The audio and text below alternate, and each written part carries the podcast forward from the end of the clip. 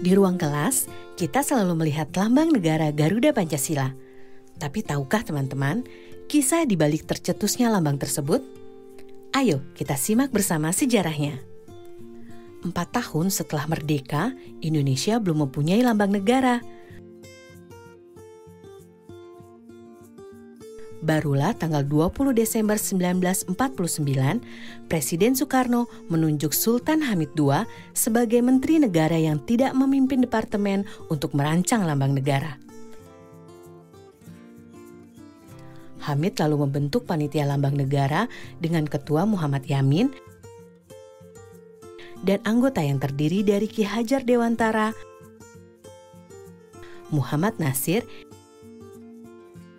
M.A. Pelupesi, dan Purba Caraka. Mereka bertugas menyeleksi rancangan lambang negara dari sayembara yang diadakan pemerintah.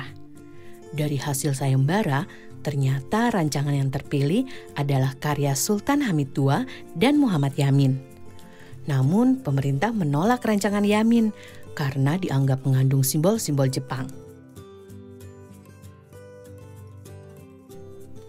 Hamid menggambar figur burung Garuda berdasarkan masukan Ki Hajar Dewantara yang mengumpulkan gambar mitologi Garuda dari beberapa candi di Jawa. Sketsa itu juga dibuat berdasarkan pengamatannya pada lambang-lambang negara lain yang menggunakan burung elang Raja Wali dengan perisai di dada.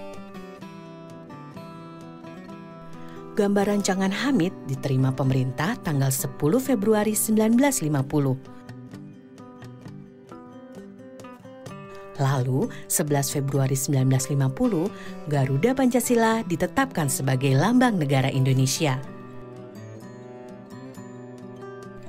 Presiden Soekarno kemudian menyempurnakan tiga hal dari sketsa Hamid.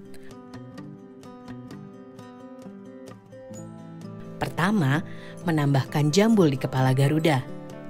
Kedua, mengubah arah cakar Garuda supaya tidak terlihat terbalik.